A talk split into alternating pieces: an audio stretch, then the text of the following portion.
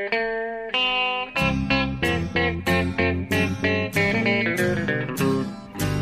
out there, we're on the air. It's hockey night tonight. Tension grows, the whistle blows, and the puck goes down the ice. The goalie jumps and the players bump, and the fans all go insane. Someone roars, Bobby scores at the good old hockey game. Oh, the good old hockey game is the best game you can name. And the best game you can name is the good old hockey game. Hallå, hallå, hallå, hallå, hallå, hallå, hallå, hallå. Yes, hallå och välkomna till NHL-podden och vårt 162 avsnitt med eh, Jonathan, den förkylde Ekeliv Ja. i, i Stockholm och eh, mig då, Per Bjurman, i ett varmt och fint och skönt New York. Ja. Eh, och hur står det? Som sagt, du är förkyld annars. Eh, eh, är det illa med dig? Nej, det, det, ja lite grann. Lite grann. Är lite, jag, skulle, jag är inte out with the flu, som det heter på NHL-språk, utan jag köttar på ändå.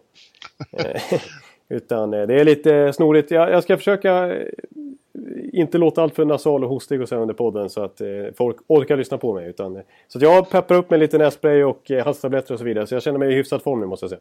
Hur är det själv? Det, det, det hörs att du är snuvig. Det hörs, aj då. hörs. Ja, men det gör inget. Man får tåla det. Det är ju ett... eh, Vi får se det som ett stilgrepp. Ett hösttecken, ett tecken på att NHL-säsongen närmar sig. Positivt. Ja. Är det kallt hemma? Eh, i, alltså idag var det helt okej men här under helgen som gick så var det regnfest måste jag säga. Framförallt Jaha. här på måndagen. Det, var, eh, det, var, det märks att det är höst nu. Till och med lite löv börjar trilla ner. Så att det, är inte, det, är, det är september. Förra, förra, månaden, förra gången vi spelade in, bara för en vecka sedan, då var det augusti. Då var det sommar.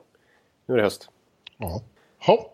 Ja, det är det som sagt inte här. Är, eh, vi har just haft Labor Day Weekend och den markerar ju då eh, det inofficiella slutet på sommaren i USA. Just det. Men eh, eh, det, så, så, så, känns det inte, så känns det inte just nu. Alltså vi, det, det, det, I allmänhet fortsätter sommaren genom hela september. Det är en varm och fin månad här och i, idag är det extremt eh, skönt. Och, eh, ja, jag ägnar mig... Högt upp, högt upp och, och bara blickar ut över ett somrigt eh, superblått eh, blå himmel här uppe på i, bland takkronorna eller vad ska jag säga uppe i New York. Takkronorna. Ja, det, nej, med uttryck tak... Vad heter det för någonting? Nej, jag kan, jag kan. Jag ska bara hålla mig bort. Takåsarna. Takåsarna, ja. Ja. jag ska... Jag, det, ja, vi- ja, jag håller tyst. Fortsätt. Du, Ja. du, du har ju varit utomhus en hel del i alla fall, så du har ju fått känna på vädret. För, för, det, för du har ju varit... Ja. eh, Mm, du har varit på tennis. Jag hänger, mycket i, ja, jag hänger mycket i Flushing Meadows i Queens eh, på dagarna, för det är US Open. Just. Eh, och jag följer det, och framförallt följer jag Roger eh, Federers eh, kamp för eh, årets tredje Grand Slam-titel. Så jag är där ungefär varannan dag. Och det är faktiskt väldigt eh, kul som uppvärmning inför NHL-säsongen. Eh, jag tennis, se tennis live, är- jag vet inte om du har gjort det, men det är mycket roligare än man föreställer sig. Nej, jag har aldrig någonsin gjort det. Jag är lite smått tennisintresserad och spelar lite grann själv. Men jag har aldrig varit på tennis. Alltså upp, professionell tennis.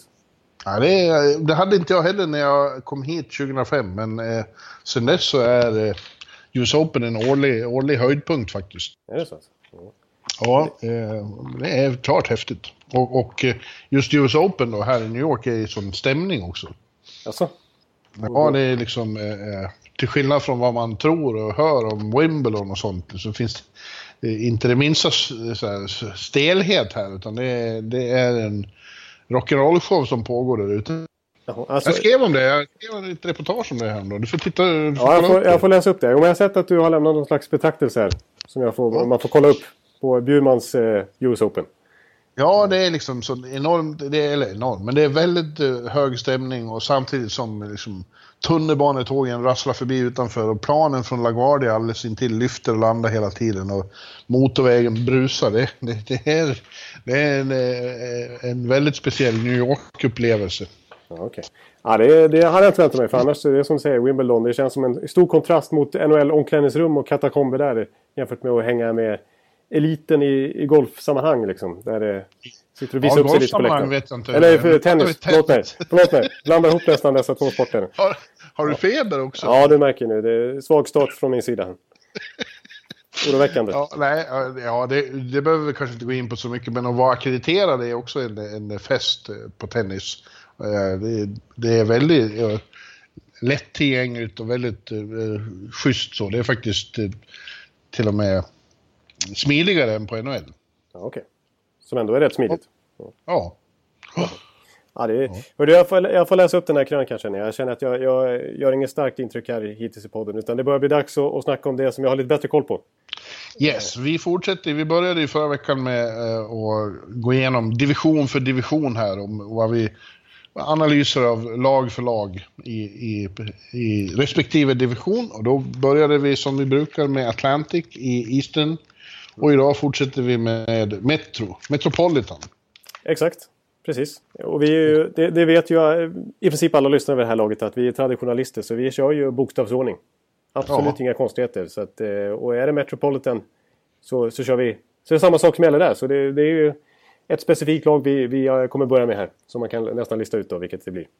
Ja, det blir Carolina Hurricanes. Ja. Heter de. Eh, C är apropå ingenting eh, den bokstav som jag tror har flest lag i, i NHL. Ja, det stämmer nog. Det är ju, kan det vara fem, sex stycken alltså? Ja. Det är Calgary. Ja. Det är Carolina. Det är Chicago. Det är Colorado. Och det är Columbus. Ja. Det är ju en jävla massa stellag, ja. Enormt mycket stellag. Ja, ja det, det, det, är en parentes att säga. Men det, det, det har jag faktiskt reflekterat över också. Ja. Eh, samtidigt, ja, som jag, samtidigt som jag, i vårt eh, stora fokus på bokstäver så, så kan jag förstå så att till exempel Washington-supportrar är lite trötta på att handla sist hela tiden. Varenda podd, år efter år. Och även i denna Metropolitan-podd så blir ju Washington sist ut. Tyvärr Tadson med flera som har Capitals eh, sympati. Ja, idag ja. Men egentligen går man igenom hela eh, ligan så är det Winnipeg som ja, det är Winnipeg som har tagit över den. Ja, ja. det stämmer ju. Mm. Men vi, vi kör Carolina då. Det blir mycket fel idag, Ekeliv. Det här ser ja, jag fram emot. Hur mycket... Ja, exakt. Får se hur mycket fel det blir när vi kommer in på själva NHL här. Men det har redan börjat väldigt trögt. Ja, men, det har det. Eh, ja, men jo, men som sagt, Carolina Hurricanes som eh, eh ju, gjorde en väldigt fin säsong redan i fjol. Framförallt startade väldigt bra. Mm. Eh, och sen kroknade lite eh, under andra halvan, får man väl säga. Ja, precis. Till slut så var de ju nästan 10 poäng från slutspel tror jag. Eh, i, ja, fram till eh, på 2016-sidan av säsongen så såg det ju rätt bra ut för Carolina. Och då hade de till och med rätt bra målvaktsspel från inte minst Cam Ward. Han mm. eh, hade ju fantastiska siffror där ett tag i november till exempel. Men eh, trots allt så var det väl målvaktsspelet framförallt vill jag påstå som sänkte dem återigen förra säsongen. Som gjorde att de inte riktigt blandade sig i slutspelsstriden trots allt. Du hackar på Taco Eddie här. Ja, nu är jag lite eh, småfräck här igen mot eh, Taco Eddie. Trots att vi fick ju smaka på hans eh, 4 plus taco. Eh, ja, vi var ju i Raleigh. Det var ju det var fint. Det var, det var faktiskt eh, överraskande trevlig upplevelse i, och lite barbecue testade vi på där som, eh, som var... Det var nästan att tangera på 5 plus vill jag säga.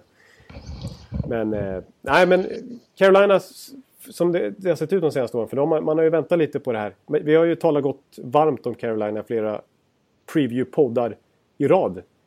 Eh, mm. De senaste åren och tyckt att de har något spännande på gång. De har eh, många spännande backar och många spännande forwards. Men jag vill påstå att det är ändå målvaktssidan som har varit ett AB för de senaste åren. Och förra året, det är bara att kolla statistiskt, så var det faktiskt... Eh, det var bara Colorado som hade sämre räddningsprocent totalt sett för, sina mål, för sitt målvaktspar. Mm. Eh, däremot framåt så hade Carolina... Jag tror de hade, låg sjätte i till exempel Corsi-ligan. Man kan ju säga vad man vill om det, men det innebär ju hur mycket possession de hade och hur mycket puckinnehav och liksom mycket skott de genererade framåt. Så offensiven var inget större problem. Utan det som demoraliserade dem lite i match efter match, det var ju att de släppte in lite för enkla mål. Titt som tätt. Eh, mm. Och där ja, har de faktiskt så, åtgärdat. Sen, sen, var det ju så att, ja, som vi sa, det, det, bränslet tog slut lite. Det var ju ett väldigt ungt lag i fjol. Eh, ja.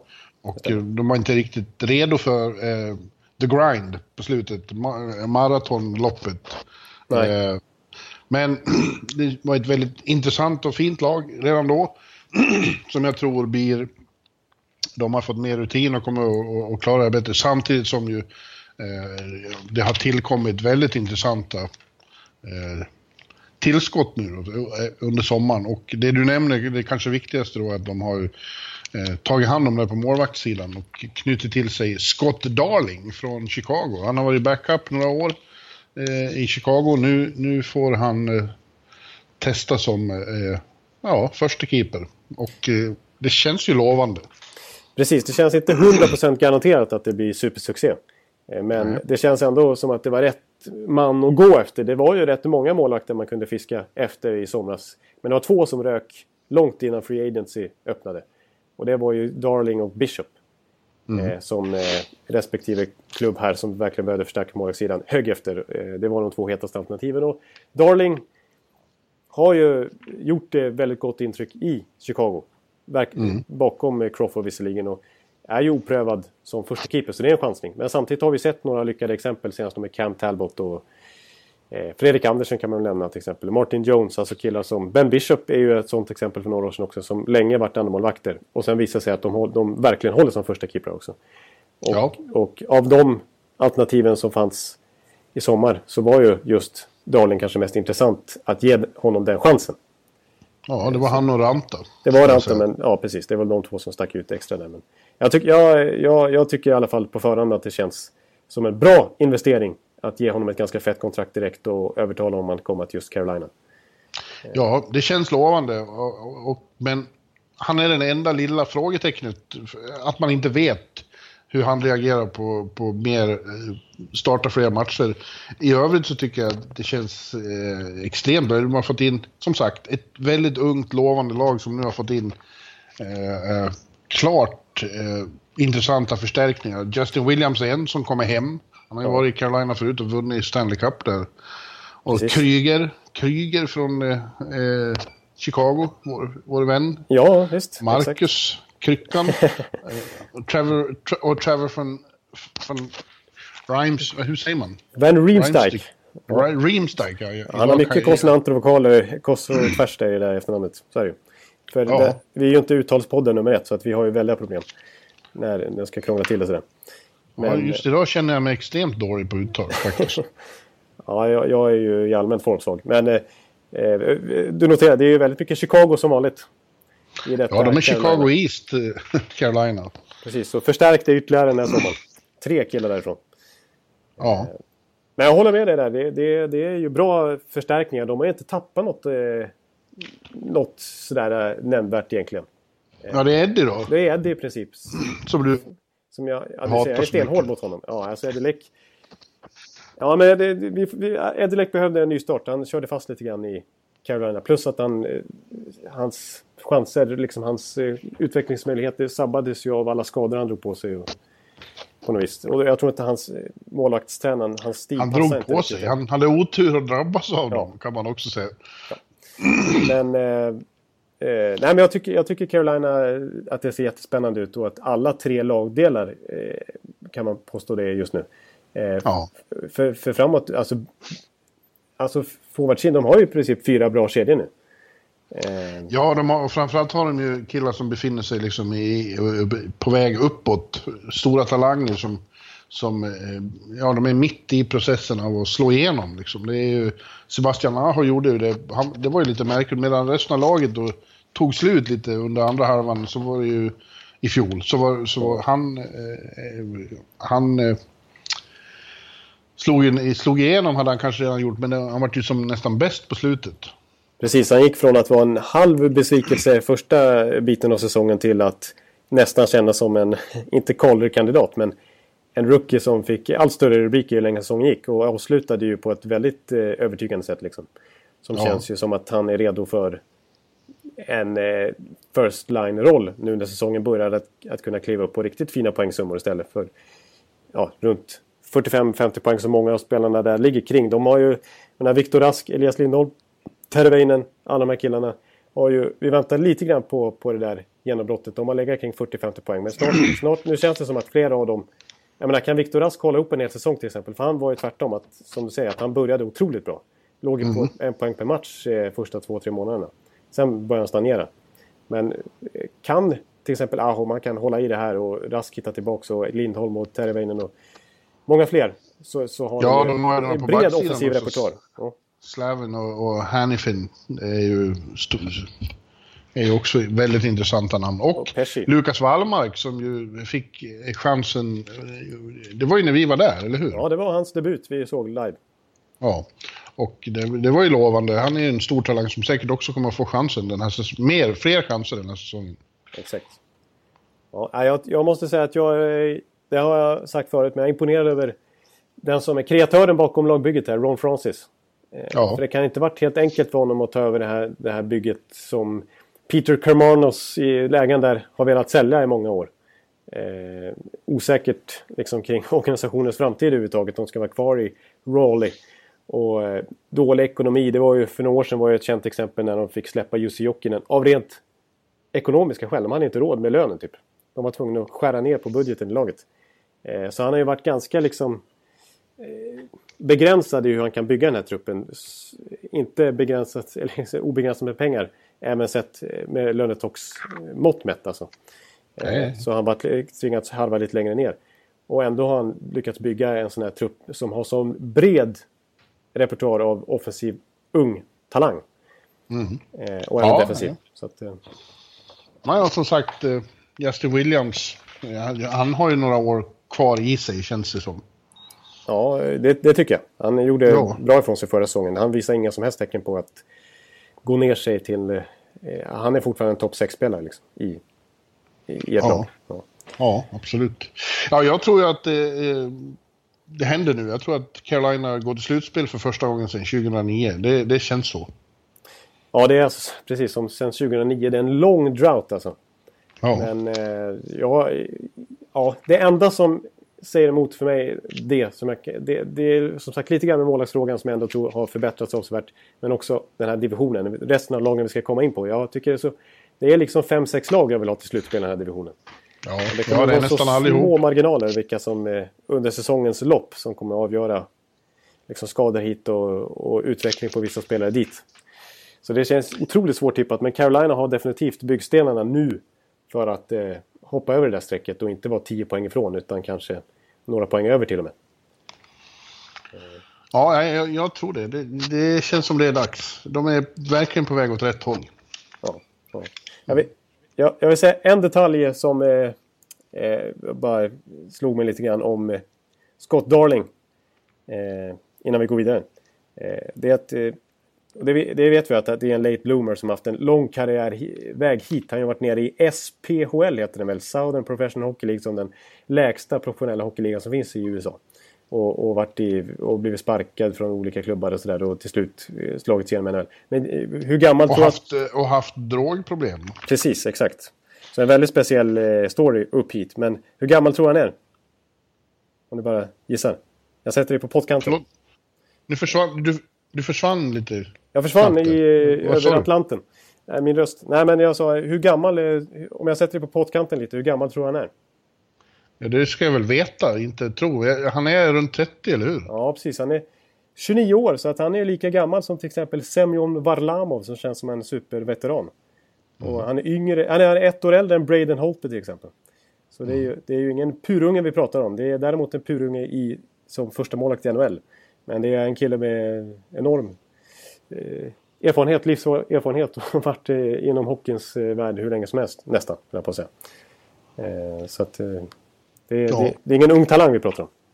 Nej, men det var väl ingen nyhet med det? Nej, det var inte. Men, men, det, nej, men det är lite speciellt med målvakterna som kom fram som får chansen nu. Att det, det tar lång tid. Alltså det, jag tycker det är väldigt många som... Jag menar, Cam Talbot, han är lika gammal som Carey Price till exempel. Det tänker man inte på trots att han har slagit igenom alldeles nyligen. Så att, ja, men ja. Vi, vi går vidare. Ja, och då hamnar vi i Columbus i Ohio och eh, för dem sa en eh, expert från Midtown på Manhattan i fjol att det skulle gå åt helvete. Eh, ja.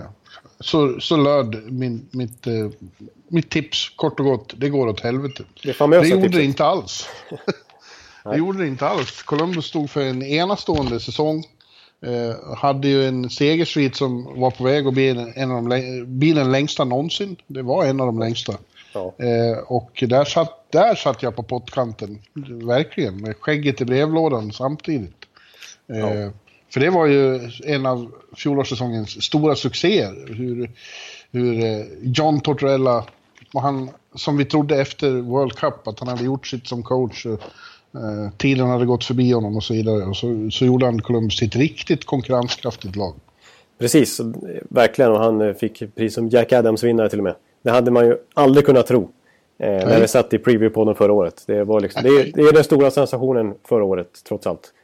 Eh, och, eh, och, det som, var, som fällde dem lite grann förra året, det var också just det här med den här Metropolitan-divisionen som är så stark. För de tog alltså 108 poäng. Vilket hade räckt till divisionstiteln i Atlantic och i Pacific. Men mm. i Metropolitan räckte det till en tredje plats och att få möta Stanley Cup-mästaren Pittsburgh i första omgången. Ja. Och eh, där räckte de inte till. Nej, det är ju faktiskt lite orättvist det här med att den här divisionsindelningen som finns, alltså de, det blir orättvist. Ja, det blir inte riktigt sportsligt korrekt eh, när, när eh, så här pass bra lag tvingas eh, möta varandra direkt. Nej, det ska vara ettan mot åttan. Eller ännu hellre skulle det inte vara ens konferenser, det skulle vara ettan mot sexton. Just det, ja, du har lanserat det förslaget tidigare. Du tycker man ska skita i det här med geografiska... Ja, tycker jag. För att få till sportslig rättvisa istället. Ja, tycker jag. Ja, Nej, men det, jag håller med dig om att det blir, det blir extra skevt nu. Och vi har ju varit inne på det mycket i våras också, det här med wildcard-lagen. Hur, hur vissa lag hamnar på en, ena sidan och vissa på andra och får lättare väg till Stanley Cup-finalen. Eh, som inte egentligen är sportsligt rättvist. Så att det, NHL-system kan man ju ifrågasätta. Ja, eh, men... skulle se. Eh, om, de, om det hade varit så, då hade de fått möta... Då hade det varit Columbus-Boston i första omgången faktiskt. Ja, och det... Det, det är ju... Ja. Då hade de eh, gått vidare tror jag. Ja, vi, har, vi hade fina saker att säga om Boston, men eh, ja, i fjol så hade Columbus eh, nog slagit dem. Exakt, det tror jag. det tror jag också. Men eh, vad ska vi säga om årets boss, eller Columbus då? Ja, alltså eh, jag borde ha, ha, ha lärt mig en läxa då och inte, inte räkna bort Columbus eh, igen. I synnerhet inte när de har gjort eh, Ja, det har ju hänt eh, fina saker för dem under sommaren. De har ju framförallt knutit till sig Panarin från Chicago. Detta Chicago som sprider spelare över hela kontinenten, Exakt. känns det som. Eh, och det är ju en... det är svårt att se det som något annat än en väldigt bra offensiv förstärkning. Han har ju varit en av, av de prime målskyttarna i ligan de senaste åren. Ja, poängproducenten överhuvudtaget, powerplay-spelare och så vidare. Ja, det enda man undrar, det, det finns då någon, någon slags frågetecken om att han har levt på uh, sitt, kemin med Patrick Kane, att de har varit ett sånt radarpar. Ja. Uh, att, det, att det inte är hundra, att han kommer att fungera lika bra i annan miljö. Men det, det tror jag ändå att han kommer. Ja, det där tycker jag är ett slappt påstående som många har kommit med. Eh, för att då tycker jag man kan vända på det och ställa hur, hur kommer Kane klara sig utan Panarin? Han kommer naturligtvis klara sig jättebra. För även innan Panarin kom till Chicago så var han en snittan en poäng per match. Kane. Ja. Men med Panarin vid sin sida, ja då gick han upp till 1,3 poäng per match. Så det är enorm ja. skillnad för Patrick Kanes produktion att få Panarin vid sin sida också. Så det är ju båda två som har dragit fördel av det. Jag menar Panarin gick ju hem och spelade med Ryssland nu i VM och vann poängligan. Ja. Så att, i hela, hela VM. Så att Panarin klarar sig alldeles utmärkt även utan Patrick Kane. Det tror jag.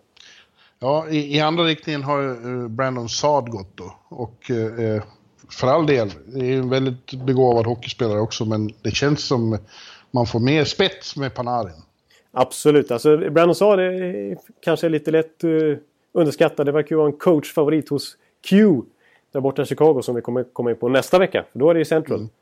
Mm. Mm. Men det är ju en speedy kille som är väldigt effektiv 5 mot 5-spelare framförallt. Både mot motståndarens bästa kedjor och att producera framåt också.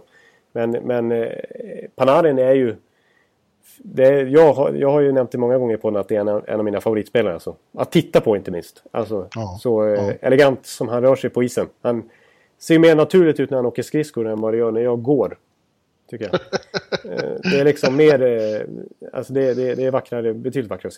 Eh, men nej, men han och hans... Alltså i powerplay och så vidare, hans ytorna han ser som inte jag ser.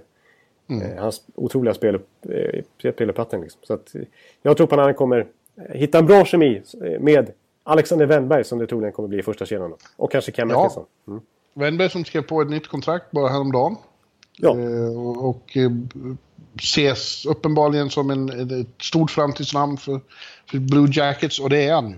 Ja, verkligen. En av våra, en av våra främsta centrar om man ser från svensk synvinkel då. Absolut. Så otroligt smart. Ja. Eh, begåvad.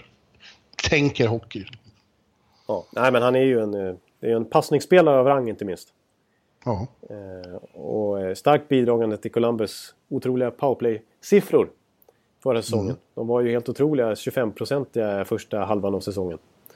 Eh, om inte mer 30-procentiga till och med tror jag att de var. Eh, men eh, ja. Eh, och kontraktet där för Wennberg det blir 4,9 miljoner dollar. En eh, förhandling som drog ut på tiden och blev klar här först eh, inför campen. Mm. Sexårskontrakt.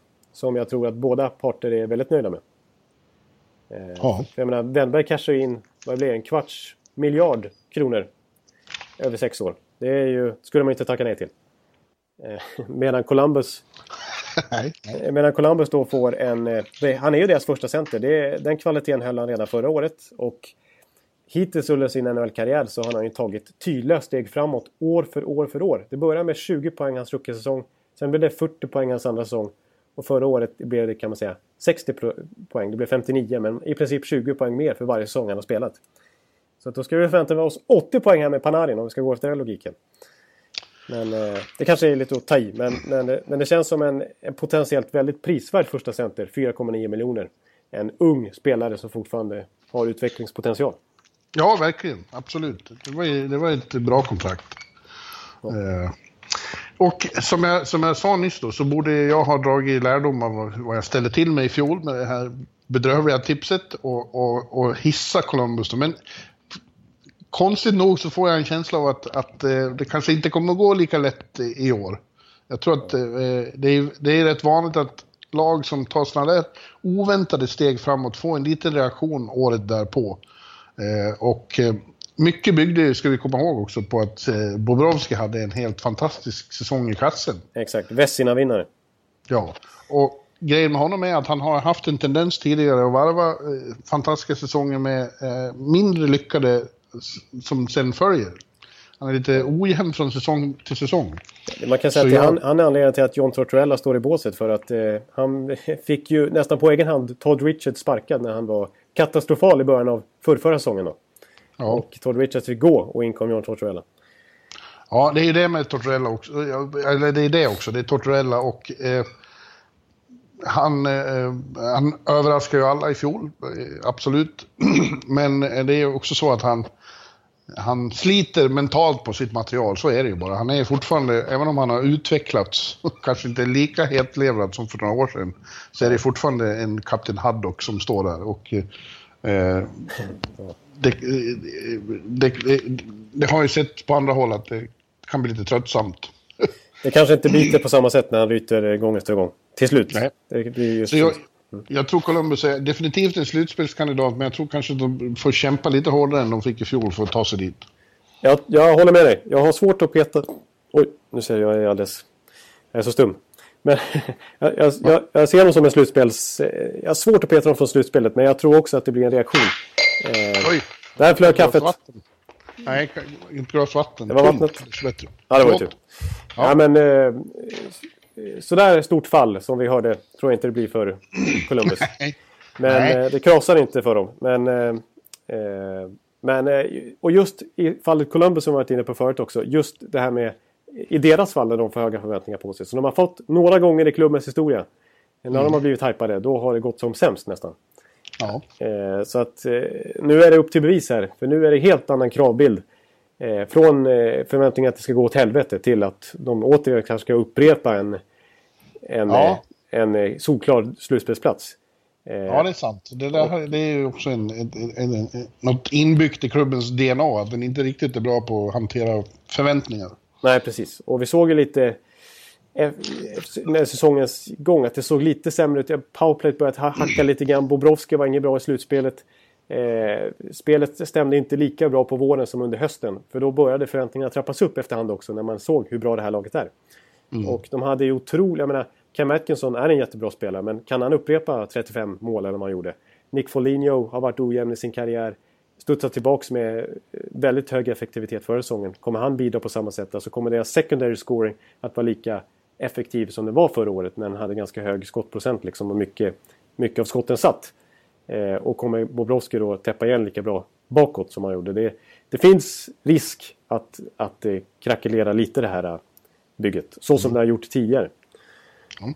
Samtidigt har de eh, ett av de mest intressanta unga backparen i hela ligan om man parar ihop Seth Jones och Zach Wierenski. Ja. Det är fantastiskt eh, lovande. Ja, det är... Alltså skulle man få välja ett backpar man skulle vilja sno till sitt lag, då skulle det nästan vara det backparet. Mm. Så bra som det redan är nu och så bra som det kan bli framöver. Och så bra mm. som det är i båda ändar av zonen. Inte minst offensivt. Jag gillar, jag gillar dem skarpt båda två. Samtidigt har de tappat lite karaktär då i, i uh, Scott Hardnell försvinner och William Karlsson försvinner. William Karlsson som var en stor uh, Tortorella-favorit. Han hamnar i Las Vegas i expansion-draften. Uh, ja, det, det, det, kanske också tar lite för att det, blir, det ruckas lite där. Ja, ja, som sagt, det kommer, det kommer vara bra men ja, blir lite, lite tuffare än i fjol. Ja, precis. Nej, jag, jag skulle inte bli förvånad om de missar slutspel. Jag tror de kommer Nej. att ligga dansa på den gränsen faktiskt. Ja, det blir streck. I synnerhet när divisionen är så tuff. Ja, precis. Det är när Carolina ska upp och förbi där och när eh, andra lag kanske knackar på dörren också. Mm. Absolut. Mm. Men eh, vi går vidare. Det gör vi. Och eh, hoppar ända till bokstaven N. För det är, det är inga mellan C och eh, N i, i Atlantic. Ja, det är rejält. Eller, eller i Metro, Metro. Hopp i alfabetet här. Ja, Mm. Men då är det New Jersey Devils vi hamnar hos. Eh, och ja. Eh, det är ett litet sorgebarn de senaste åren. De var i final 2012 och sen har de missat slutspelet varje år. Gått eh, ner sig ordentligt och är nu faktiskt inne i en eh, rejäl rebuild. Ja, precis. De har verkligen eh, fått eh, stuva om sitt lagbygge och sitt tänk totalt. Det är inte det gamla Devils med Lamoriello och, och stjärnor Nej, som stannade tiotals år. Nej, de har ju, det är en rebuild av hela, hela klubbens identitet. Ja. Faktiskt. Eh, men jag vill påstå att, att de ändå har varit nere på botten och börjat vända så sakteliga nu. Alltså absoluta ja. botten nådde de nog i kanske februari, mars någonting här tidigare 2017 när de var, ju, de var faktiskt katastrofala i slutet på säsongen. Alltså från de sista två månaderna räknat av grundserien så var de sämre än Colorado Avalanche. De var sämst i NHL. Ja, de kom av sig lite i fjol faktiskt. Det kändes som i säsongen innan att det var då de gjorde sin rebuild och började röra sig åt rätt håll. Men så gick de på grund i fjol. Eh, helt enkelt under säsongens gång. Exakt, precis. Eh, men eh, nu har det hänt lite grann. De har haft lite flyt här i sommar trots allt. Till exempel genom att vinna draftlotteriet. Ja. Nu är det ingen Patrik Laine, Jack Eichel, Conor McDavid-killen som kommer in och frälser dem. Utan det är Nico Hischier som, men det är ändå en tydlig förstärkning. Och eh, som mycket väl kan få en ganska betydande roll direkt. Inte minst med tanke på att eh, ordinarie första centern Travis Ajak har ju gått och blivit skadad här under sommaren. Mm. Var det mag... Var det, var det, vad nu? Var det bröstmuskel eller något sånt där han hade sträckt? Eller, gått, eller menussträck kan man säga. Han, han måste operera den och är borta till januari, februari eller någonting. Ja, det är, det är lite otur. Kan man lugnt säga. Eh, precis, och det ställer ytterligare krav på Hischier och Pavel Sacha. Eh, bland annat på centersidan där att eh, eh, kliva in och leverera direkt. Ja. Men de har gjort annat, lite annat bra också. En annan ung spelare som, som de vann en dragkamp om det var ju Will Butcher. Den här ja, just det. college free agent som vi vet ju typ ingenting om. För vi har inte, du, varken du eller jag har suttit och kollat så mycket på University of Denver senaste åren. Men, Nej. men vi vet, och det gör vi nästan aldrig eh, kolla på Jag ber om ursäkt. Jag har fått något i halsen. Så... Är du, du har smittats av mig. Får vi säga så inte alla lyssnare sitter och, ja, jag ber, och hostar. Ja, ja. Eh, av, av oss två. Eh, men... Ja, eh, smittad av det. Ja, men eh, ja, och sen så väntar de ut Washington också. Förstod vad som skulle hända när de skrev sitt kontrakt med, eh, i, vad heter han? Eh. Ja, i Oshie. Eller Kuznetsov. Nej, Kuznetsov. Ja. Då eh, hörde de av sig och, och, och nöp eh, Marcus Johansson som Washington inte kunde behålla. Så Mojo kommer ju till New Jersey också. Precis, och där vill, där vill jag bara, innan vi kom, kommer in på Mojo så vill jag stanna upp just vid själva trade-tillfället. Och mm. säga att det är ju kanske sommarens bästa trade. Alltså rent värdemässigt av Ray Shero här. Eh, totalt sett av alla trader. Eh, för det var alltså ett andra val och ett tredje val som han skickade till eh, Washington. Ja. Och det andra valet. Eh, det var ju som de hade fått, det tror jag de hade fått eh, tidigare för att de hade gjort sig av med Eller för att de hade tagit på sig Mark Savards kontrakt. Som de bara satt upp på i long time in reserve. Så det var ingen, de, de hade inte betalt, offrat mycket för att få det andra valet. Det var ju alltså, det blir Florida, så Florida hade i sin tur fått Mark Savards kontrakt från Boston. En lång eh, knölig historia. Och mm. det tredje valet, det hade man fått för att Toronto skulle få förhandla med Lula Moriello. För, för några år sedan var ju reglerna så att ska man förhandla med en, sparkad tidigare ledare så måste man ge ett tredje val till den organisationen som tidigare ägt honom. Ja, ja vi, vi förstår. så att det var ju alltså hur de har tillskansat sig de där draftvalen som de i sin tur skeppat till Washington nu. Eh, var ju i princip gratis. Så att de fick ju i princip Marcus Johansson gratis, nästan. Mm. Eh, så att otroligt eh, prisvärt agerat av Ray Shero. Och Marcus Johansson är ju en bra spelare. Verkligen, verkligen. Det är han. Det, det var en som Washington absolut inte ville bli av med. Nej, exakt. Exakt. Men de hade, ingen, de hade inget val och New Jersey, Shero högg väldigt, som du säger, smart där. och jag är ju glad för hit, jag vet inte hur glad han är själv, men jag är glad att få hit en svensk, för det var ju... Jakob Josefsson hade ju blivit tradad till Buffalo, eller skrivit på för Buffalo. Ja, Så att eh, det då var det ju tomt på svenska. Nu, nu har vi fått in en som, ja, eh, han kan bli den mest framstående svenska forwarden i New Jersey någonsin, Marcus Johansson. Ja, det är sant. Jag har inte haft så mycket Jag ber om ursäkt, jag sitter här och... Vänta, jag måste ju... Eh, kan du ta en liten paus? Vi tar en kort paus. Jag tar av mig här.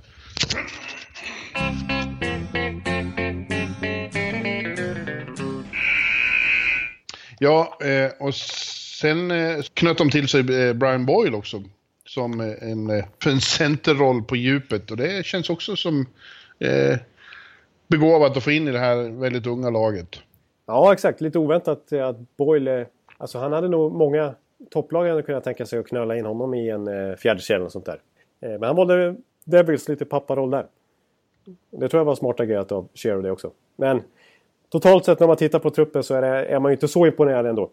Eh, en... de, eh, det kommer att röra sig åt rätt håll eh, tror jag i år. Det, det, kommer att bli bättre än vad det var i fjol. De kommer att ta fler poäng, spela bättre hockey. Men det kommer inte att räcka för att undvika jumboplatsen i Metropolitan, tror jag. Nej, exakt. Det, det, är lite för tidigt än. Det, det är som vi är inne på. Det går, börjar till slut röra sig åt rätt håll. Ja. Men, men tittar man på truppen rent krasst så även om man hittar trevliga och roliga och intressanta och spännande lovande spelare.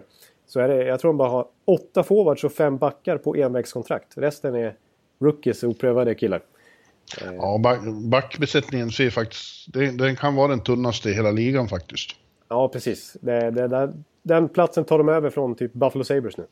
Eh, ja. Den ser riktigt trist ut och på det sättet var det väl smart av... Nej, trist. Det finns ju lovande namn där med, men de är alltså, för unga än. Liksom. Precis, man förstår varför Butcher valde just New Jersey för att där finns ju en uppenbar chans att etablera sig direkt. Eh, ja. Men de har ju, visst, Siverson är ju fortfarande eh, kapacitet att ta ytterligare kliv till exempel. Men eh, ah, det, det, det räcker inte till. Trots att de har Corey Schneider i kassen. Till och med han förra året började ju vackla. Ja. så, att, så att New Jersey får nog nöja sig med jumboplats i år igen. Ja, men det kommer att bli bättre om några år kan vi trösta fansen med. Ja, jag tror ändå att de känner lite tillförsikt. Ja, absolut. Det det utsikterna, på lång sikt så är det ett, ett lovande bygge. Och Shero är bra. En bra eh, general manager. De kan vara glada. Ja. ja, vi går vidare va? Ja, och, och, nu hamnar vi här i, i Metropolitan, verkligen. Det är bara New York-lag vi får prata om nu då, här från stan. Ja, just det. Eh, och då är det New York Islanders. Ja. Vi hamnar hos. Och hos dem så finns det bara en fråga, eller för dem finns det bara en central fråga just nu. När och om John Tavares eh, signar på kontraktsförlängning. Ja. Eh, den frågan hänger över hela organisationen. Exakt, och, och eh, det, det, ena eller andra svaret som till slut kommer visa sig där blir ju helt avgörande för klubbens framtid. Eh, hur den ska eh, bli. Ja. Det är klart att John Tavares är otroligt viktig för klubben. Ja, han är New York Islanders. Det är liksom kretsar kring honom här i Brooklyn. Exakt, och det är flera steg tillbaka igen alltså, om de skulle tappa honom. Då får de börja om ja. lite på ny kula. Eh, även om de har lite intressanta namn i övrigt på gång så vill jag påstå att... Och grejen, grejen med John Tavares också som gör att han inte har signat någonting än. Det är ju just det här med att han... Eh, för han handlar egentligen inte en pengafråga om han ska stanna i Islanders. För Islanders är beredda att betala i princip vad som helst för att få honom kvar. Och han vet att han kommer få jättemycket pengar i någon annan klubb också. Eh, däremot så är han ju orolig över Islanders liksom alla frågetecken kring den här organisationen nu. Framförallt med tanke på att de blir utkastade från Barclays Center. Det har ju varit en superflopp att spela där. Och eh, leasingavtalet ska ju brytas eh, inom ett par år. Här. Ja, de spelar den här säsongen och en till. Sen måste de ha ett nytt hem. Precis. Eh, och det pratas ju om, det pratas både om att flytta hem tillbaka ut till Nassau till den nu ombyggda eh, Colosseum. Ja. Eh, eller en helt ny arena i närheten av Flushing Meadows där jag var nu. Just det. By, bygga en, eh, en renodlad hockeyhall åt dem där. Det kanske vore det allra bästa. Ja. Men ja, det är mycket sånt som hänger Men också, som du säger, hur mycket klubben kan göra för att få en, en, en, ett bra lag, ett konkurrenskraftigt lag som kan gå efter kuppen. Ja. Eh, de har ju varit on the verge, har det känts som, några år här, men liksom fastnat mitt i steget. och inte kommit vidare och fått eh, komma upp på nästa nivå. Eh. Nej, precis. Det har ofta varit eh, två steg framåt där och sen så ett steg tillbaka där och sen två steg framåt igen och sen tre steg tillbaks. Liksom. Det, ja. det, de står och stampar lite grann till slut blir slutprodukten. Liksom. Ja. Eh, och jag måste säga, inför den här sommaren så fanns det överhuvudtaget mycket frågetecken kring Islanders. Och när man väl tittar på deras trupp nu så har det inte hänt så mycket ändå, vill jag påstå. Om man tänker då, dels hade vi den här arenafrågan, dels hade vi Tavares, skulle vi fått något svar nu i september om, om han hade skrivit på nytt kontrakt, om arenafrågan hade fått någon ljusning. Det var snack om att Gart Snow skulle assisteras av en President of Hockey Operations, att de skulle ta in en egen Brendan Shanahan-typ. Typ. Eh, och inte mm. låta Gart Snow sköta allt igen, som varit lite svajigt, får vi ändå säga. Under mm. hans tid i klubben. Men det är fortfarande Gart Snow som rattar klubben. Eh, vi har Thomas Greis och Jaroslav Halak. Eh, skulle den, jag menar, Halak har varit nere i AHL och vänt och Greis har kommit med något nazistutspel eh, där vi, i VM. Och det visar sig att båda, båda är kvar fast det var risk att båda skulle lämna. Det är fortfarande, det är liksom expansionsdraften, vad skulle hända där? Skulle de tappa vissa spelare? Skulle bli, nu blev det att de tradar massa för att bli av med Grabowski och behålla vissa. Så de, de klarar sig där. Ja, sen har de gjort lite, visst de har fått in Eberle och eh, de har tappat Hamnick. Men det är, ungefär, det är ganska liknande Islanders lag som ställs på benen här och eh, fortfarande liknande frågeställningar som för några månader sedan. Ja, men Ebbele känns det som att han kanske... det har ju testats många, vem som ska bli Tavares verkliga radarpartner och, och verkliga eh, bästa kompis. Ebbele känns väl som ett helt eh, rimligt eh, namn i, i, i den diskussionen. Ja. Eh, det är bara det här med att han kommer den här säsongen, eh, sista året på Tavares kontrakt. Om, om, den, eh, om det där drar ut på tiden så vet ju Tampa-fans som du vilket moln det där blir. Som det var ju lika med Stamkos för något år sedan. Ja, det, det var det. Exakt. Det, det är det här... inget roligt täcke att uh, ha över sig. Nej, den här vill man ju ha löst på en gång. Uh, men det, det, kommer vara en fråga som följer dem genom säsongen om, om Snow inte lyckas, uh, lyckas få det där namnet på ett kontrakt snabbt. Precis. Då vill det till att Eberle till exempel att, att den kemin fungerar som de gjorde 2009 när de var ett radarpar i JVM. Ja. Eh, de är ju båda 90 år. Eh, och har varit framgångsrika på juniornivå. Så de känner ju varandra. Eh, ja. Men däremot har ju Eberle haft en lite oväntat svag utveckling sedan dess. Började ju superstarkt i NHL med över 30 mål ganska tidigt i karriären. Men han har inte, hans målbästa säsong var 2011 och det är ju 6-7 år sedan nu. Mm. Och förra året så var ju en stor besvikelse. Han hade visserligen verkliga problem med effektivitet. Det var inte det att han inte sköt eller kom till chanser. Men han gjorde inga mål. Han gjorde ju noll mål i slutspelet till exempel. Och han fick inleda säsongen med Conor McDavid, en radarpartner om någon, att kunna producera med. Eh, och gjorde inte det heller och blev nerpetad i hierarkin. Och nu skeppad och tradad. Så att, eh, Eberle är ju ingen garanti för succé. Men jag tycker ändå att det är en bra trade av Snow. För att jag menar, Ryan Strome hade ju, var ju ett lite misslyckat projekt även han. I Islanders. Och eh, jag skulle ju tveklöst välja Eberle före Strome om jag skulle se till vilken som är den bästa spelaren enligt mig. Så att, eh, jag, jag, tycker det finns potential här. Fan, man får inte en syl i vädret här. Jävlar vad du pratar. Ja, jag har, har ju förmågan att komma igång. Ja, eh, en intressant detalj tycker jag är som kanske kan eh, göra säsongen intressantare än vad man tror just nu är ju att det är Dog Waite som står i, i båset och får eh, hantera laget en hel säsong från start. För att när han kom in i fjol och tog över efter Capuano ja. så gjorde han väldigt bra intryck på mig. Det kändes som en väldigt stabil hand över laget. Ja. Populär bland spelarna vad man förstod också. Ja, ja han är passionerad. Eh, men, men med en eh, tydlig förmåga att få en grupp att fungera ihop. Eh, ja. Och det, det, det tror jag är en X-faktor här som, som kanske kan få ett kollektiv som inte ser så just nu känns lite, man, många frågetecken kring och smälta ihop till något riktigt bra. Ja, vi ska jag... inte glömma, herr Ekeliv, att vi har en favorit i laget. Josh Hosang. Ja, vi var ju väldigt förtjusta att se honom, eller hur? Ja, det är ju också, han är också alltså, rent underhållningsvärdesmässigt eh, på högsta nivå. Sen eh, får vi se hur, vilket kliv han kan ta den här säsongen. Han har ju en historia av att vara lite strulpelle och försova sig hit och dit och dit. Men, han har gjort det en gång. En, ja, precis. Han, men han hade lite den stämpeln på sig i juniorleden också. Men han, när han eh, kom upp här och verkligen fick chansen så tog han ju för sig. Det var, det var ju extremt roligt att se eh, Hosang och han var ju väldigt bra också. Han producerade ju och, oh. och, och sådär. Så att, och Dog Wait verkar eh, liksom verkligen eh, se honom. Att han, eh, alltså ge honom chansen. Eh, ja. Och sen vill jag nämna, apropå coacher, att vid sin sida har han fått också nu Luke Richardson. Som är en rätt spännande assisterande coach i sammanhanget. För att han har ju varit en sån här AHL-coach som det har varit mycket skriverier de senaste åren att många NHL-lag rycker honom som till och med som huvudtränare. Han har varit i Binghamton. Eh, och nu var det alltså Islanders som lyckades rekrytera honom som assisterande till Dog Waite. Så att en intressant duo. Normally being a little extra can be a bit much. But when it comes to healthcare, it pays to be extra. And United Healthcare makes it easy with Health Protector Guard fixed indemnity insurance plans. Underwritten by Golden Rule Insurance Company, they supplement your primary plan, helping you manage out of pocket costs without the usual requirements and restrictions like deductibles and enrollment periods. So when it comes to covering your medical bills, you can feel good about being a little extra. Visit uh1.com to find the Health Protector Guard plan for you. Oh. Ja, Det andra New York-laget heter Rangers och spelar här på Manhattan. Ja. Och eh, ja, det är som vanligt händer det saker kring det laget.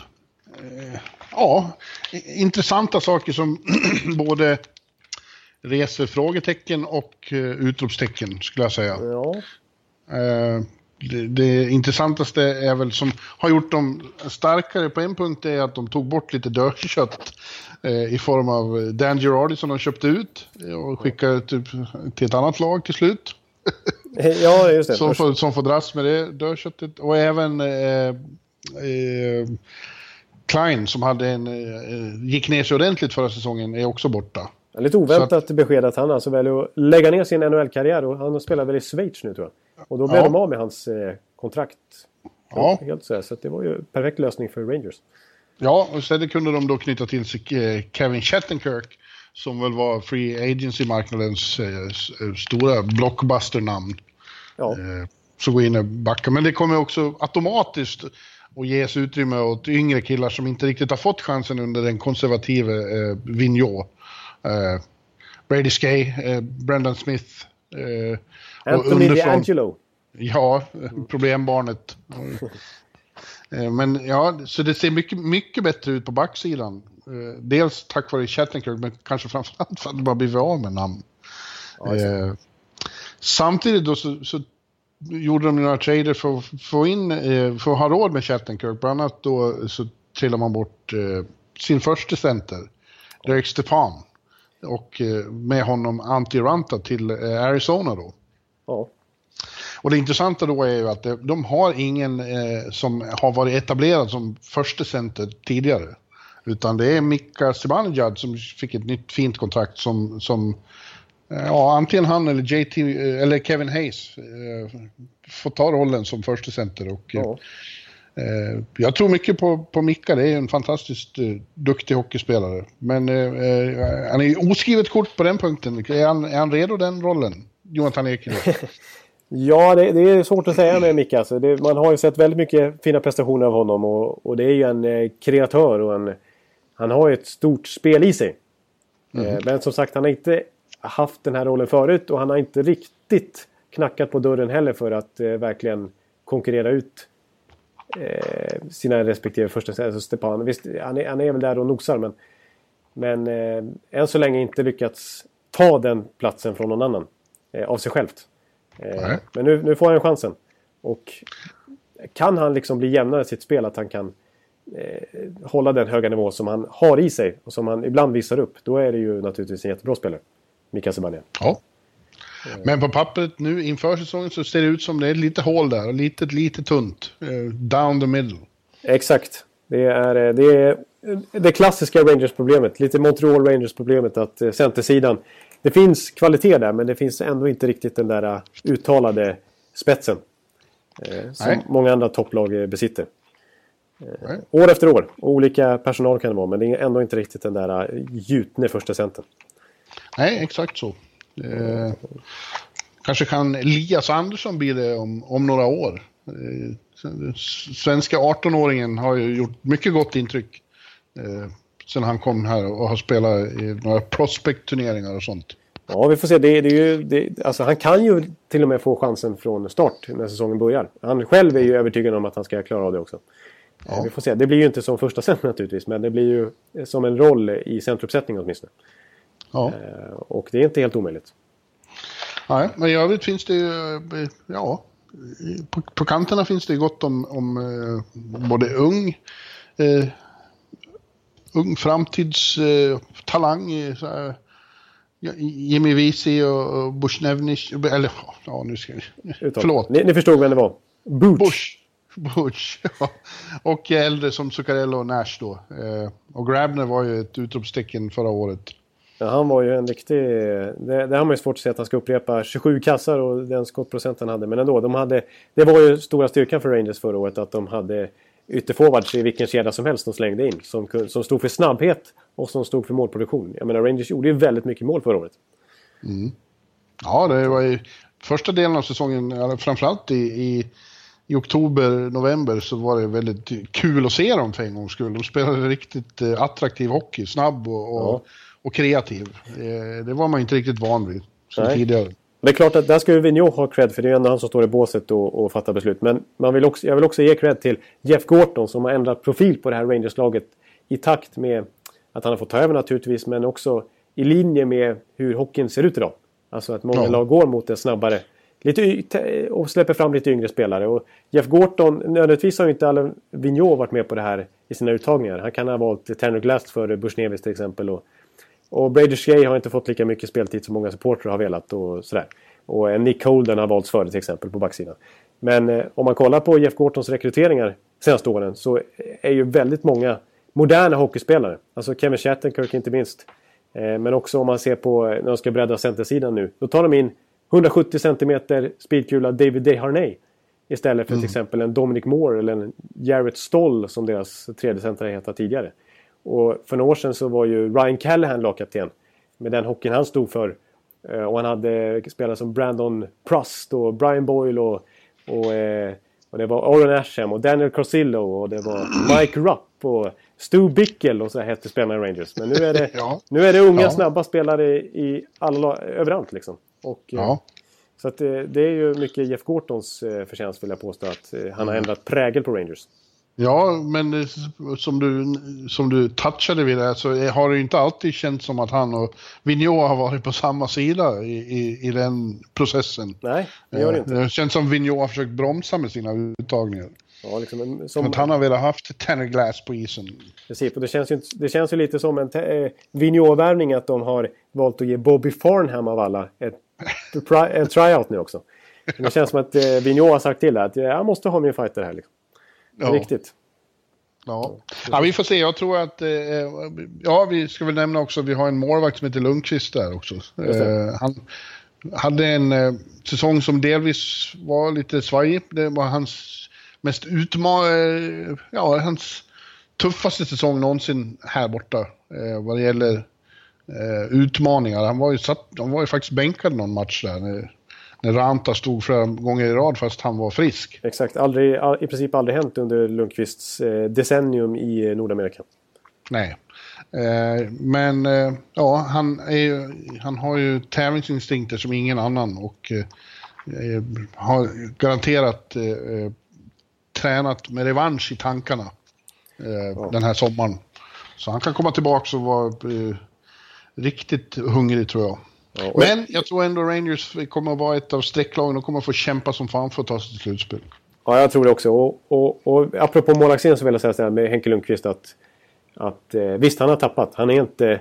Man kan inte längre säga att, som det var populärt för några år sedan, att Rangers är Henrik Lundqvist. Liksom. Eh, så så är, ligger det inte riktigt till längre. För den nivån håller kanske inte Henke att han är liksom topp tre i NHL. Men han är fortfarande en väldigt bra målvakt. Eh, som, det är en styrka, det är en lagdel som är en styrka för dem. Eh, sen får vi se hur det går om Benoit Allaire, deras målvaktstränare som har haft Henke Lundqvist under alla dessa år, eh, lyckas få styrsel på ytterligare en backup till Henke. För att han har gjort eh, susen med både Cam Talbot och Antti Rantla. Och nu känns det nästan som hans tuffaste uppgift här. Att få styrsel på Ondrej Pavlets. Eh, ja. Som han mindre lite oväntat har handplockat till Rangers för att han tror att det finns potential i Pavlets. Eh, fortfarande, 30 år gammal. Eh, att eh, bli någonting. Så att, ja, det blir spännande. Eh, ja, det blir spännande att se faktiskt. Eh, nej, men jag, jag, håller med dig i analysen om att eh, något solklart eh, slutspelslag, det är inte detta Rangers. Men det, de har... De kommer... jag tror att de kommer ta sig dit. Igen. Som de brukar göra. Ja. Ja. Ja. ja. Och sen så vill jag säga, för din skull som har sett mycket som har suttit på pressläktaren och eh, sett hur fans eh, runt omkring dig har svurit åt deras ganska taffliga powerplay under många säsonger. Borde ju, där borde ju just Shattenkirk kunna, få, kunna styra upp lite grann med tanke på att sen lockouten, om man räknar antal powerplay-poäng för backar, så är det bara Erik Karlsson som har gjort mer powerplay-poäng än Shattenkirk. Att få, få in honom som QB där är ju något de har saknat. Att, han blev inte riktigt vad Washington hade hoppats på. Eh, ska man komma ihåg. Men, eh, men ja, eh, det känns ju som ett lyft för Rangers, det gör det. Absolut. Ja, ja. Philadelphia Flyers spelar också i Metro. Ja. Och där är det lite svårbedömt tycker jag. De st det står och väger för Flyers, eller hur? De är inne i lite rebuild mitt i steget. Ron Hextall fasar in mycket ung talang där just nu. Ja, precis. Och där tycker jag att en, eh, man direkt kan dra en liten parallell med just eh, eh, samarbetet mellan coachen och general managern. Eh, deras syn på, syn på hockey eh, som Rangers i Philadelphia. För att eh, Dave Hackstall, han, han är ju lite mer old school och han gillade Belleman och han gillade, han gillade Van de Velde och han gillade Andrew McDonald. Och han ja petar Shane Gostepierre typ och Travis Connectney om de inte riktigt håller måttet enligt honom. Eh, för att markera lite. Medan eh, Hextall, Eh, de har ju nästan samma namn. Men General Manchin, Ron Hextall. Han har ju nu, nu har han sett till att förpassa, eh, bort med Bellemare, bort med Van de Velde och sådär. Eh, och öppnat upp för väldigt eh, många platser för unga spelare att verkligen få chansen i år.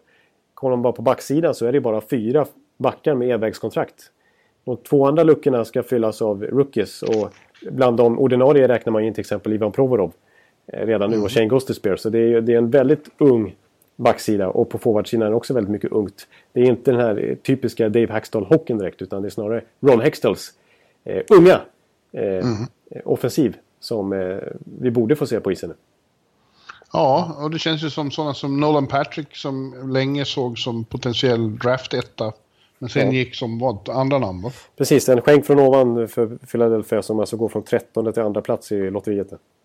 Ja, han går förmodligen rakt in i laget. Möjligen också Oskar Lindblom, Brynäs-sensationen.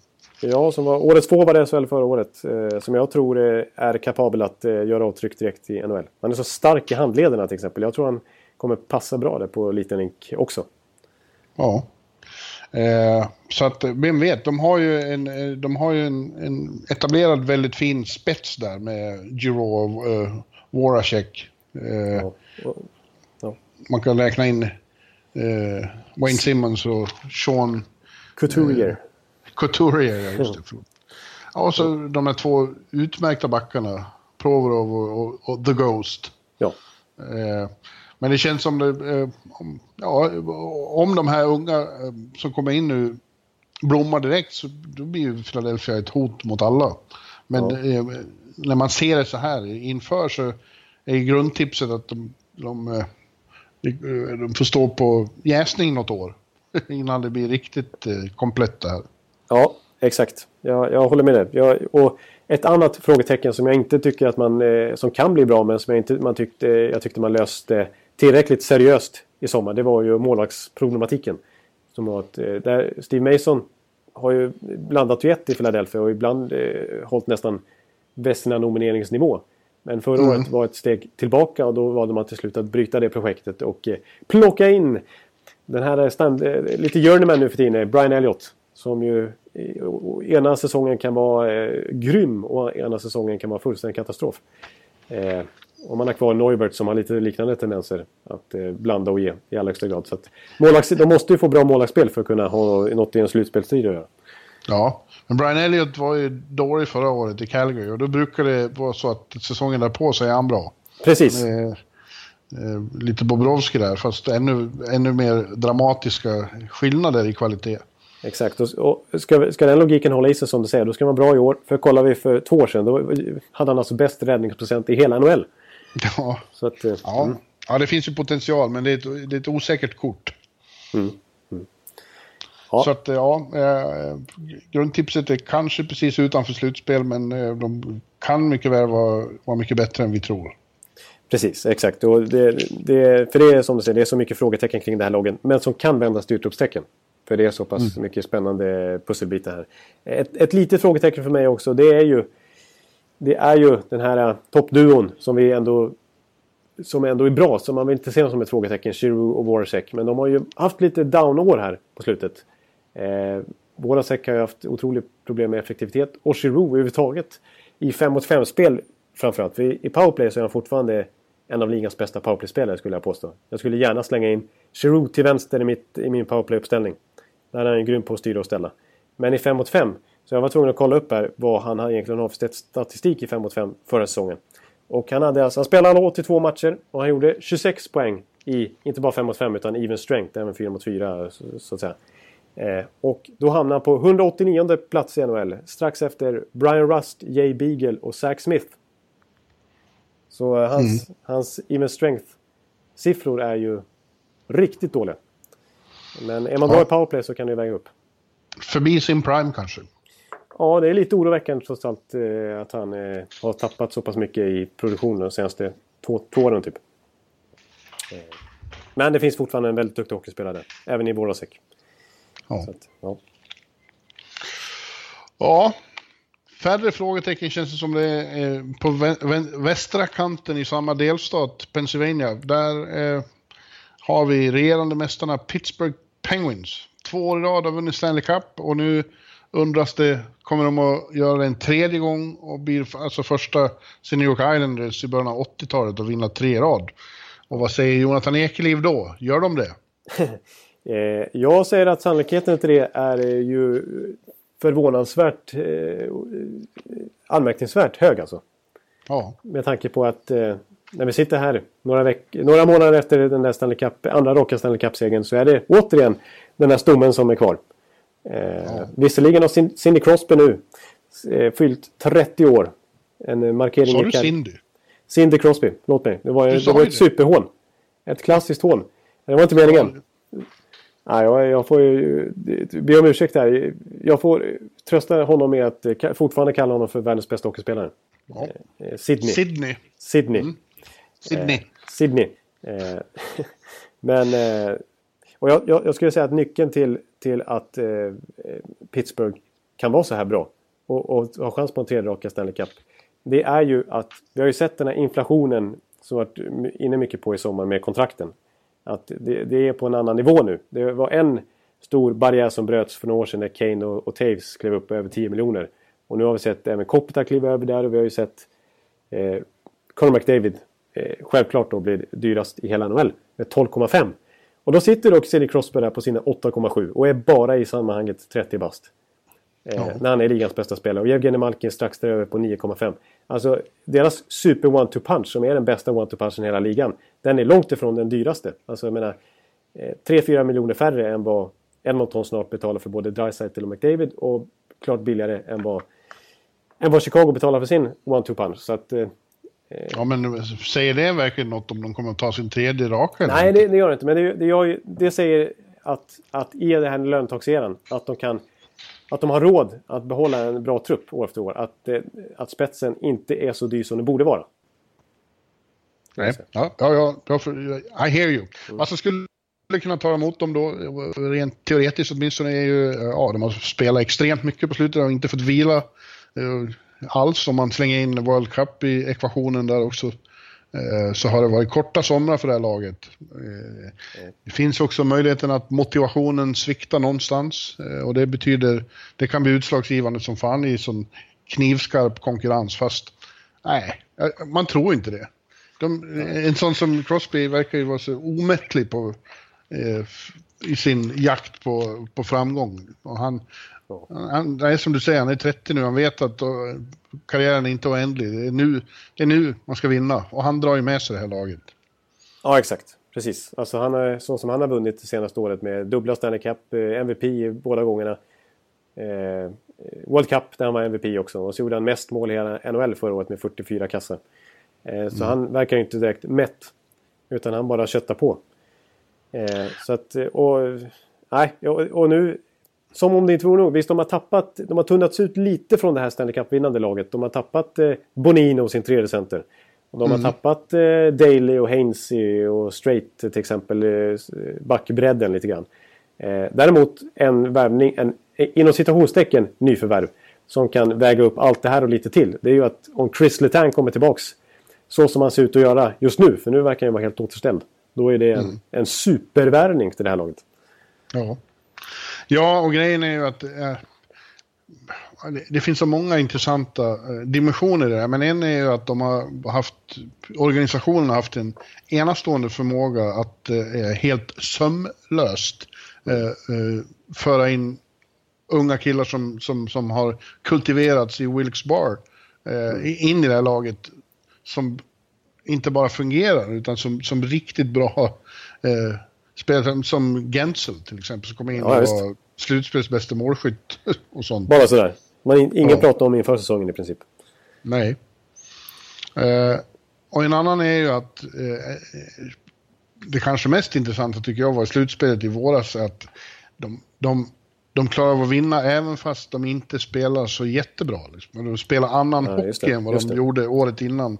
Och de gjorde det utan, som du säger, Letang. Men, men få kollektivet att fungera ändå och tvinga sig fram till segrar, även fast det har tagit emot spelmässigt och så. De, de vet helt enkelt, hur man, helt enkelt hur man vinner det här laget.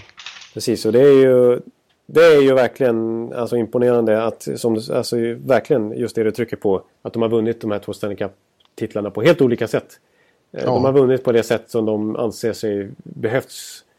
Eh, alltså det spelsätt som har behövts för att vinna matcher liksom. Ja. Eh, och, och, anpassat sig efter det och klarat av det. Och, och helt plötsligt har de här losersarna som vi var inne på för några år sedan när vi började den här podden och, och tittade på Pittsburgh. Eh, liksom att oj, nu har de fem år i rad åkt ut mot lag som placerat sig sämre i tabellen när det väl blir slutspel. Eh, och de har haft lite loserstämpel på sig. Att de inte lyckats för, liksom, skapa en dynasti av det här 2009-laget med Crosby, Malkin och hela gänget. Men nu är det precis tvärtom. Det är, det är just vinnarmentaliteten som symboliserar Pittsburgh lite grann. Ja, och eh, ja, det är ju 100 eh, plus till, till coachen, eh, Mike Sullivan. Ja. Det, det, han har ju varit ett lyft för laget och, och klubben. Och ja. ligger ju bakom det här att de, att de anpassar spelet till omständigheterna. Ja, ja det, det går inte att säga nog om faktiskt. För det är, han är ju markören för, för den här metamorfosen som Pittsburgh Penguins ja. har genomlidit, eller genomgått. genomlidit. Han borde ha en Jack Adams, fast den, den ses ju bara till grundserien då. Men egentligen så tror jag att Mike Sullivan är, är ligans bästa coach. Ja. I synnerhet när det väl gäller i slutspel. Ja. ja. Ja, och perfekt för det här Pittsburgh-laget, uppenbart. Ja. Eh, ja, ja. Så att, ja, de har bättre chans att ta tre raka än någon har haft, ja, sen Islanders. Precis, och, och, nästan om man bara begränsar det till, för tidigare snackade jag om ska något lag lyckas överhuvudtaget ha två stycken, för det har ju inte hänt på hela 2000-talet fram till nu. Eh, ska man bara se det så, att försvara sin Stanley Cup-titel, så ser jag återigen som eh, liksom, betydligt större chans än man är van vid. Mm. Så, så, så bra är det här Pittsburgh-laget. Och jag tror att... Visst, nu har de ingen Fleury, så de har ingen dubbel tandem där i kassen. För Antoniemo är ju inte, håller inte samma klass, men jag tror Matt Murray kommer ja, naturligtvis axla den rollen bra, så länge han kan vara skadefri. Ja, det, det, är inget, det ser inget som ett problem. Sen är, är det, de har ju faktiskt lite, lite löneutrymme kvar. Det löneutrymmet borde de ju använda till en tredje center, att försöka plocka in någon lite bättre än vad de har just nu och det har ju även Rutherford, general manager, öppnat för. Samtidigt så försöker ju Evgeni Malkin att locka över Danis Saripov från KHL. Eh, Saripov ju som, som är avstängd för dopning där. Eh, men som det alltså kommer fram att han inte avstängd enligt NHLs dopingregler. Eh, vilket ju man kan tycka vad man vill om. Eh, men skulle de dessutom få in Saripov, som Malkin vill, oj, då är det ytterligare offensiv spets. Ja. Att, ja. ja. ja det... Jag tror mycket på Pittsburgh. Ja. Men tror vi på Washington igen då? Det har vi ju gjort år efter år efter år efter år. Men eh, det blir alltid som vanligt. De åker ur i andra omgången. Ja, alltså jag gick ut i, någon podd här för ett tag sedan och, och, sa att nu har jag officiellt slutat tippa på Washington. Hur bra jag än tycker att de är på pappret så, så av princip så, ja. så, så, har jag slutat eh, tro på dem, åtminstone i slutspel. Grundserien en annan eh, femma, men det skiter de lite grann själva i nästan. Det är slutspelet som gäller. Ja, ja det är så, men det, det, är också så att skulle det ske så känns det som det var förra säsongen. Det var då fönstret stod som mest vidöppet med det faktiskt helt kompletta lag de hade då. Ja. Eh, nu, nu har de inte blivit jättemycket sämre, men de har ju börjat tappa en, en, en, en del. Liksom. Eh, av, av lönetagstekniska skäl så har de eh, tvingats till det som vinnare brukar tvingas till, bortsett från att de inte har vunnit. Då. Precis, värdet på truppen slog i taket, bokstavligt talat. Eh, ja. Det, det, var ett för bra lag för, en, för ett lönetakssystem. Eh, egentligen. Så de borde ha presterat bättre i slutspelet då. Men, eh, men det, det är som säger, på pappret tycker jag fortfarande att, att det här laget har potential att vinna Stanley Cup. Ja. Eh, alltså kapaciteten på pappret. ja, det kommer, säkert, kommer säkerligen att bli en eh, grundserieattraktion igen och vara bra. Men, men eh, de måste ta sig, eftersom de är i den här divisionen, så måste de ta sig förbi Pittsburgh, ärkefienden på något sätt. Och, och klarar de det inte förra året så har jag svårt att se att de ska göra det den här gången. Nej, precis. För att eh, om man börjar kika lite på truppen nu så är det ju... Alltså det är ju, det är ju ett gäng som försvann. De fick ju göra, göra lite vägskäl här. Vilka spelare ska vi välja? Och då, då, kan man säga att de prioriterade helt enkelt Tidioshi, Kuznetsov och Orlov på ganska feta kontrakt. Och det i sin tur eh, genererar att de strök Shattenkirk, Elsner, Nate Smith, Justin Williams och Marcus Johansson. Ja. Eh, och jag vill påstå att eh, jag är inte helt nöjd med prioriteringen här. Nej. Eh, eh på kort sikt, visst, Tidioshi är eh, jättebra. Han gjorde mycket mål förra året. Hade visserligen hög skottprocent sådär, men han var bra i slutspelet också vill jag påstå, trots att de åkte ur. Då. Så Tidioshi är en jättebra spelare just nu. Men ett åttaårskontrakt för honom tills han är 38-39 bast jämfört med Marcus Johansson som tjänar, tjänar några miljoner färre. Eh, åtminstone någon miljon färre per år. Och inte är så långt efter på produktionsmässigt. Och dessutom är, är han fyra år yngre. Mm. Eh, det tycker jag är bad business.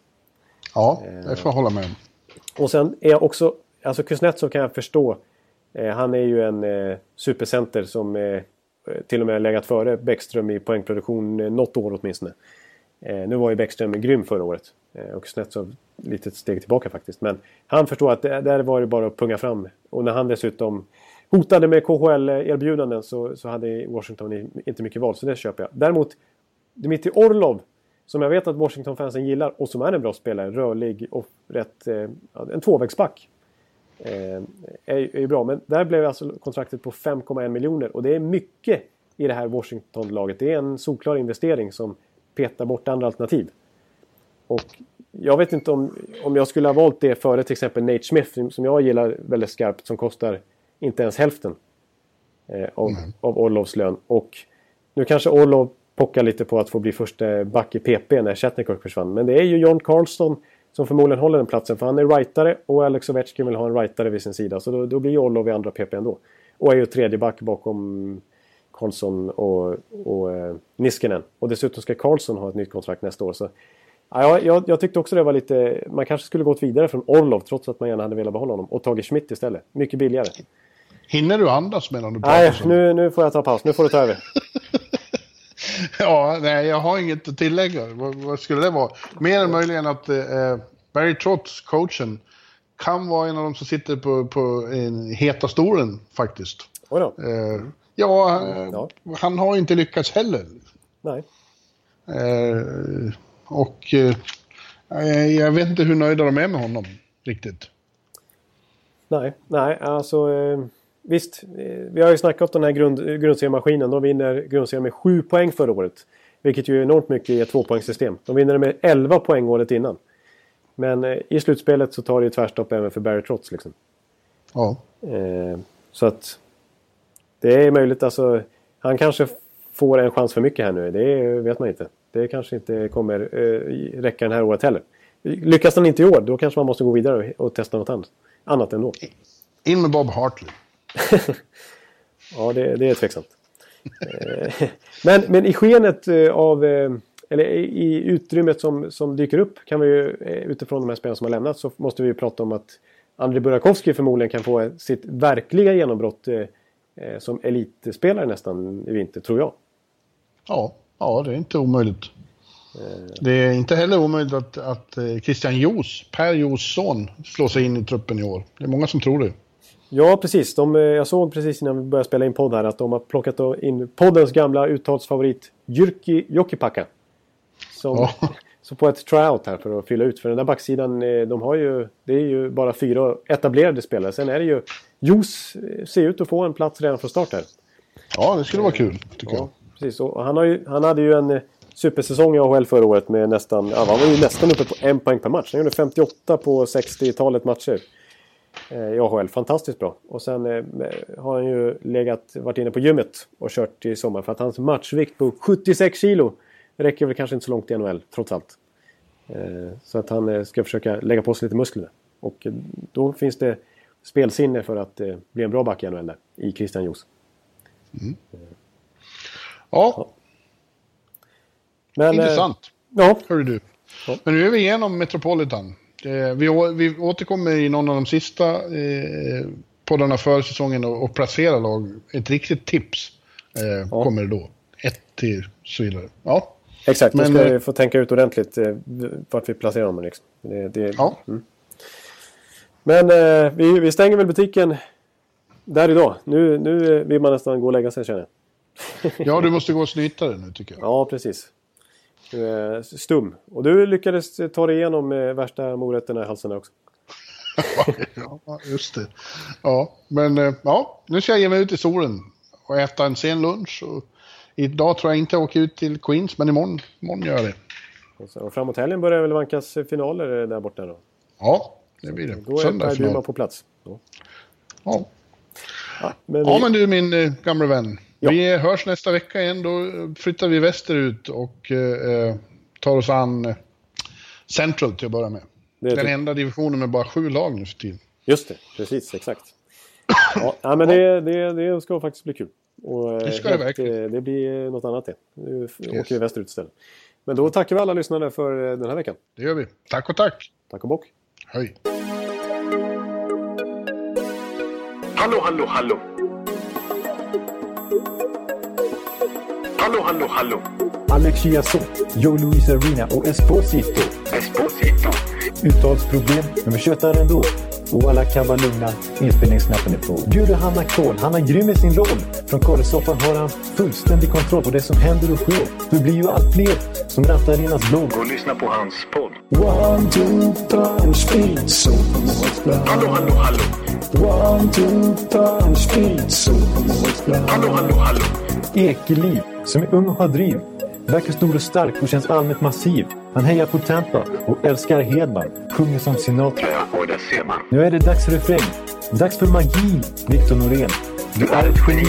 Så stand up at home and remove your hats. Höj volym, för nu är det plats. One, two, punch, speed, so Hallå, hallå, hallå. One, two, punch, speed, so Hallå, hallå, hallå. One, two, punch, speed, so Hallå, hallå, hallå. One, two, time, speed, så på Målsplan. Hallå, hallå, hallå. Det är otroligt länge sedan båda samtidigt var så här bra. Hallå, hallå, hallå. Det är otroligt länge sedan båda samtidigt var så här bra.